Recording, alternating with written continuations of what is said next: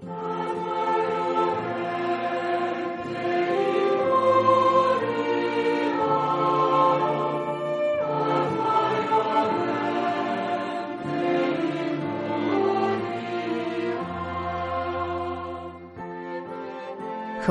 Jezus. Laudetur Jezus Kristus. Poslušate slovensko oddajo Radia Vatikan.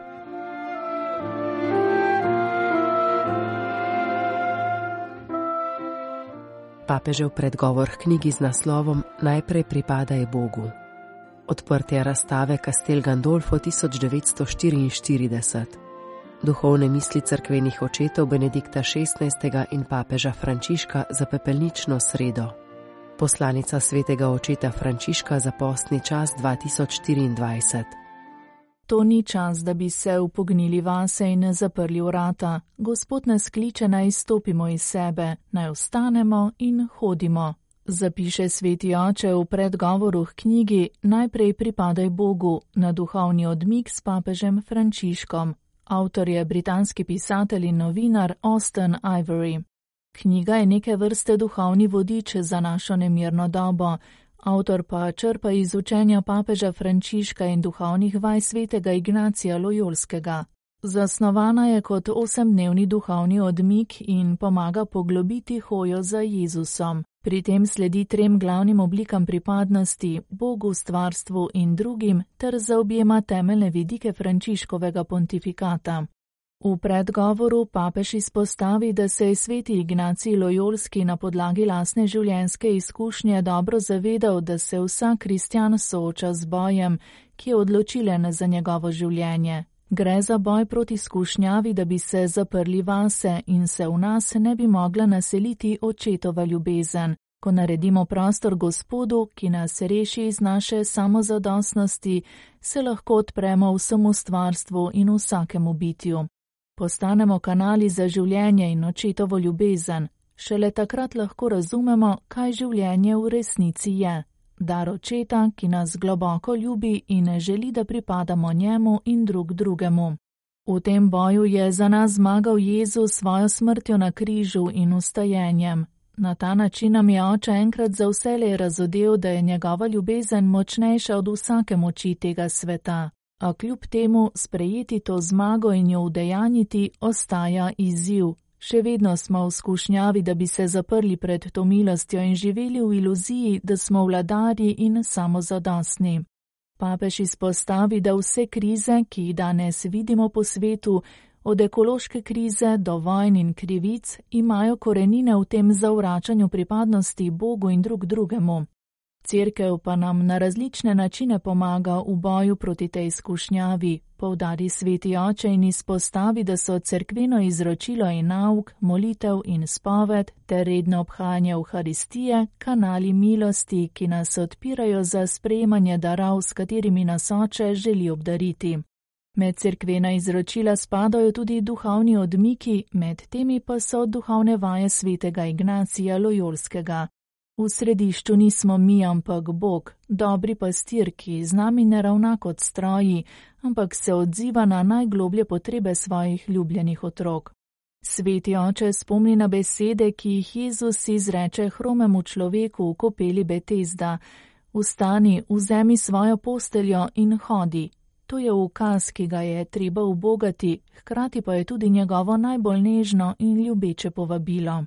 Tisti človek je bil notranje paraliziran, v svetu tekmecev in rivalov se je čutil kot neuspešen, bil je užaljen in zagrenjen zaradi tistega, kar se mu je zdelo, da mu je bilo oduzeto, ujet v logiko samozadostnosti ter prepričan, da je vse odvisno samo od njega in njegove moči.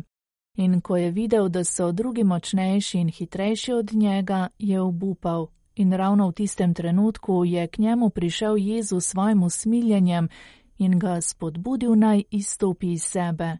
Ko je bil enkrat odprt za Jezusovo odrešujočo moč, je bila njegova hromost, notranja in zunanja, ozdravljena. Vstal je in hodil, hvalil Boga in si prizadeval za njegovo kraljestvo. Osvobojen mita o samozadostnosti se je iz dneva v dan vedno bolj učil biti odvisen od njegove milosti. Na ta način je postal učenec, ki se je zmogel vedno bolje soočati ne le z izzivi tega sveta, ampak tudi izvati ta svet in delovati v skladu z logiko daru in ljubezni. Sveti oče zapiše, da je kot papež želel povdariti, da najprej pripadamo Bogu, na to pa stvarstvu in bratom. Zato sta v ospredju njegovega pontifikata dve veliki krizi našega časa - propadanje stvarstva in migracija. Obe sta simptoma nepripadanja, o čemer govori tudi knjiga Najprej pripadaj Bogu. Iz istega razloga je želel tudi spodbuditi crkev naj ponovno odkrije svoje izročilo sinodalnosti, kajti ko se odpre duhu, ki govori v božjem ljudstvu, vsa crkev ustane in hodi, slavi Boga in prispeva k prihodu njegovega kraljestva. To ni čas, da bi se upognili vase in zaprli vrata, izpostavlja papež Frančišek. Jasno vidim, da nas Gospod kliče naj izstopimo iz sebe, ustanemo in hodimo. Prosi nas, naj ne odvrnemo pogleda utrpljenja in sos našega časa, ampak naj vstopimo vanje in odpremo kanale njegove milosti. Vsak med nami je zaradi svojega krsta eden od teh kanalov. Bistvo je, da jih odpremo in jih ohranjamo odprte.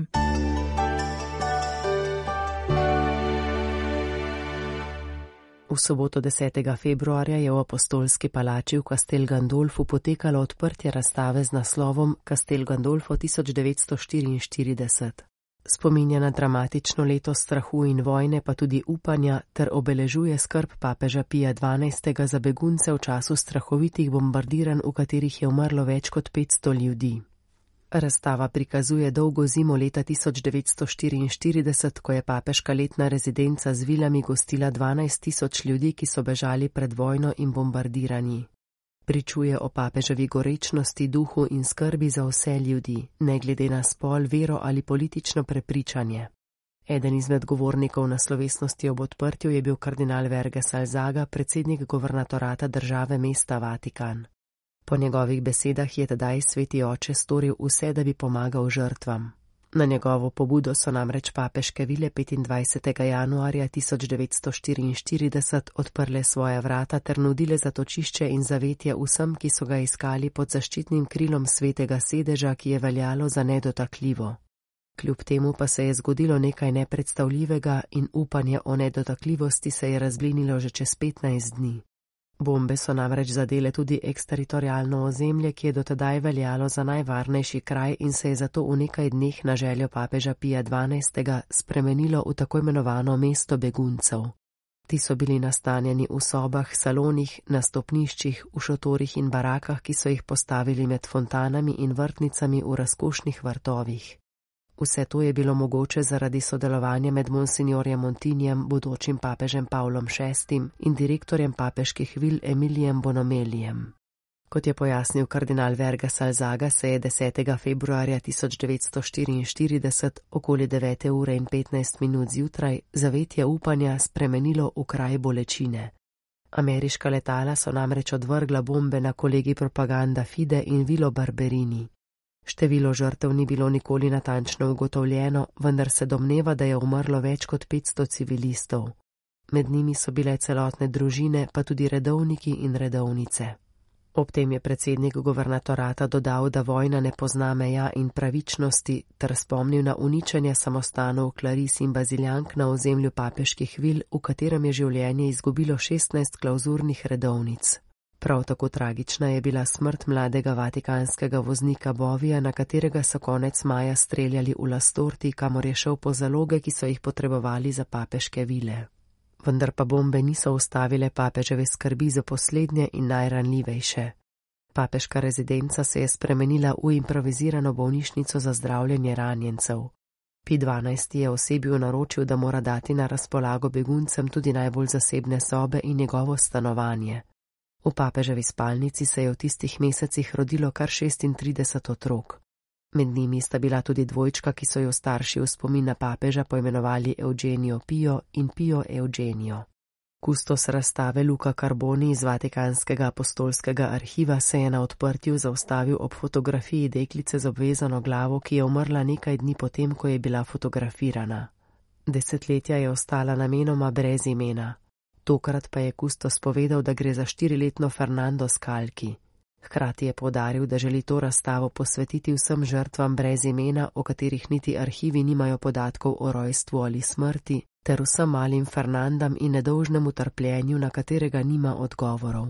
Na novinarski konferenci je spregovorila tudi Barbara Jata, direktorica Vatikanskih muzejev. Dejala je, da je bilo leto 1944 dramatično, a tudi leto upanja. Na papeževi posteli se je rodilo veliko otrok. Razstava prikazuje na tisoče ljudi, ki so dobili zatočišče, hrano in tolažbo na področju, ki je z lateranskimi sporazumi v vseh pogledih postalo ozemlje svetega sedeža. Vatikan je bil med vojno neutralen, vendar pa je sodeležil bolečino in dramo tega obdobja, je še dejala Jata. Po tistih dramatičnih dneh, ko se je začelo razseljevanje, je P12 ustanovil papeško komisijo za pomoč beguncem. Dobro znane so besede, ki jih je tedajni Petrov naslednik 12. marca 1944 namenil vojnim beguncem v Rimu. Na razstavi je mogoče slišati tudi njihov zvočni posnetek in si ogledati besedilo z ročno napisanimi popravki. Z enako skrbnostjo je papež Pi 12. leta 1950, ko je bilo v Evropi približno 12 milijonov razseljenih oseb, objavil tudi apostolsko konstitucijo Exul Familia o duhovni oskrbi migrantov. Po besedah kardinala Verge Zalzage gre za magno karto stališča cerkve o migracijah. Ob tem pa je prav tako spomnil na skrb papeža Frančiška za migrante, na njegova svarila, da je Sredozemsko morje postalo pokopališče migrantov, ter na nenehne pozive k miru v Ukrajini in na Bližnjem vzhodu. Na odprtju razstave so bili prisotni tudi nekateri ljudje, ki so dogodke izpred 80 let doživeli v prvi osebi. Spremljala sta jih generalna tajnica governatorata države mesta Vatikan, sestra Rafaela Petrini in direktor papeških vil Andreja Tamboreli. Ob koncu odprtja je potekal vsakoletni pohod miru v spomin na žrtve bombardiranja 10. februarja 1944. Uzvaj.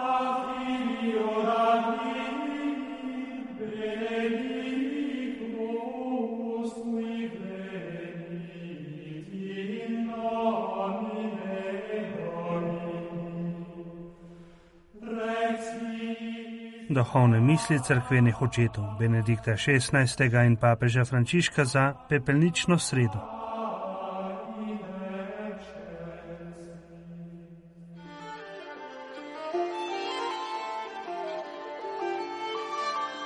Prvo berilo je iz knjige preroka Joela, drugo poglavje od 12. do 18. vrstice.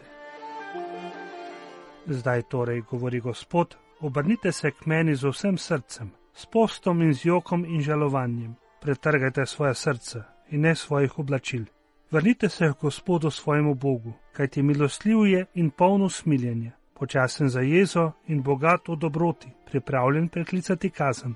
Kdo ve, morda se vrne ter se usmili in posti za seboj blagoslov, jedilno in pitno daritev za Gospoda, vašega Boga. Zatrobite v rok na Sionu, okličite post, razglasite slovesen shod, zberite ljudstvo, posvetite srednjo, skličite starčke, zberite otroke in dojenčke na prsih, žene naj pride iz svoje izbe in nevesta iz svoje spalnice.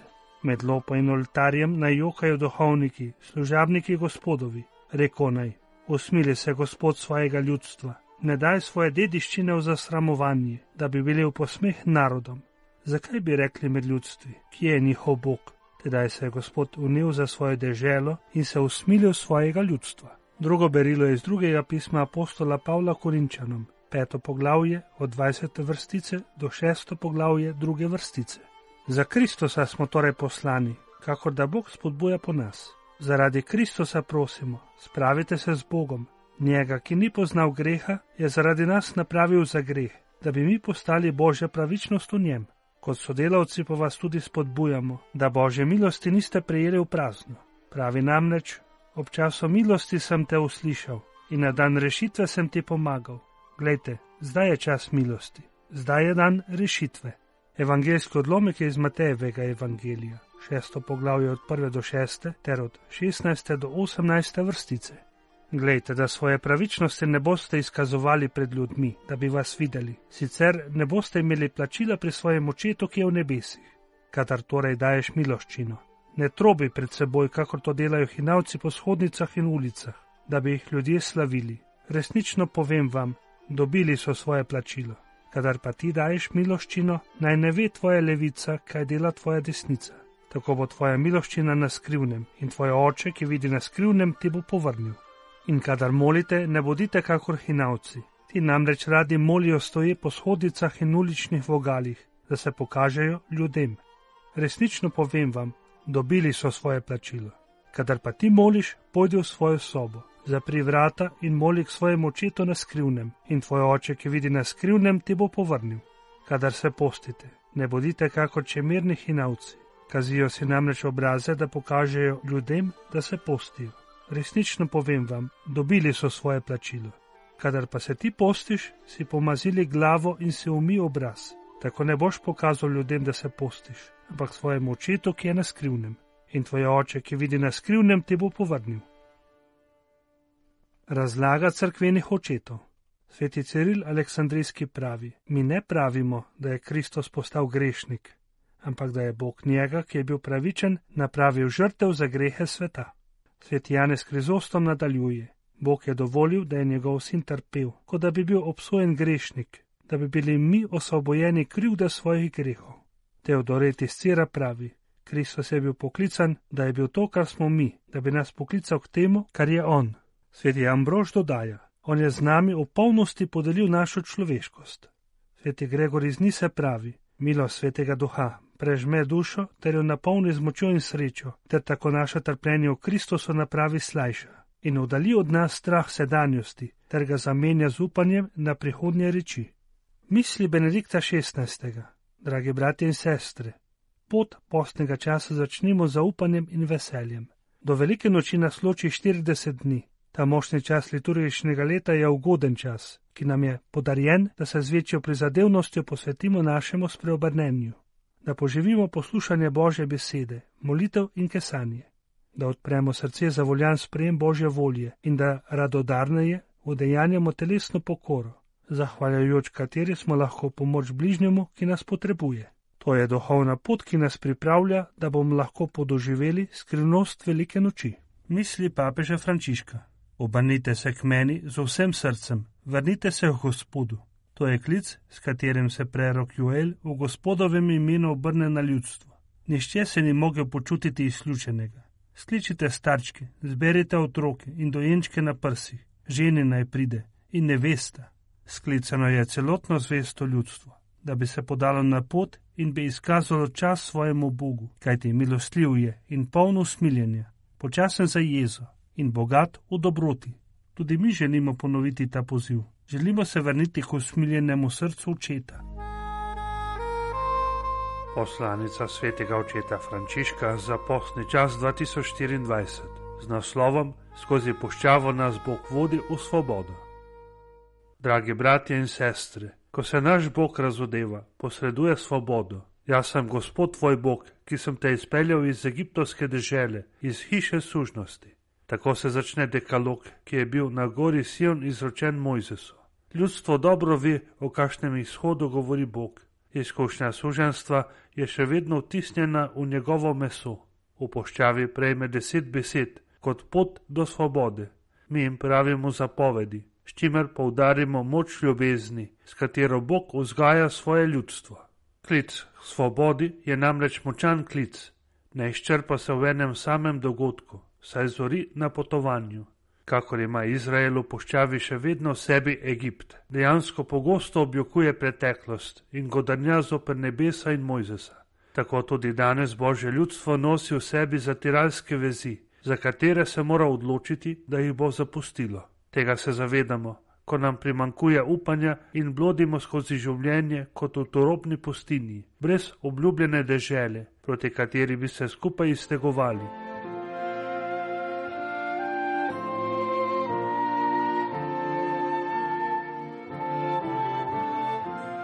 Poslušali ste slovensko oddajo Radia Vatikan.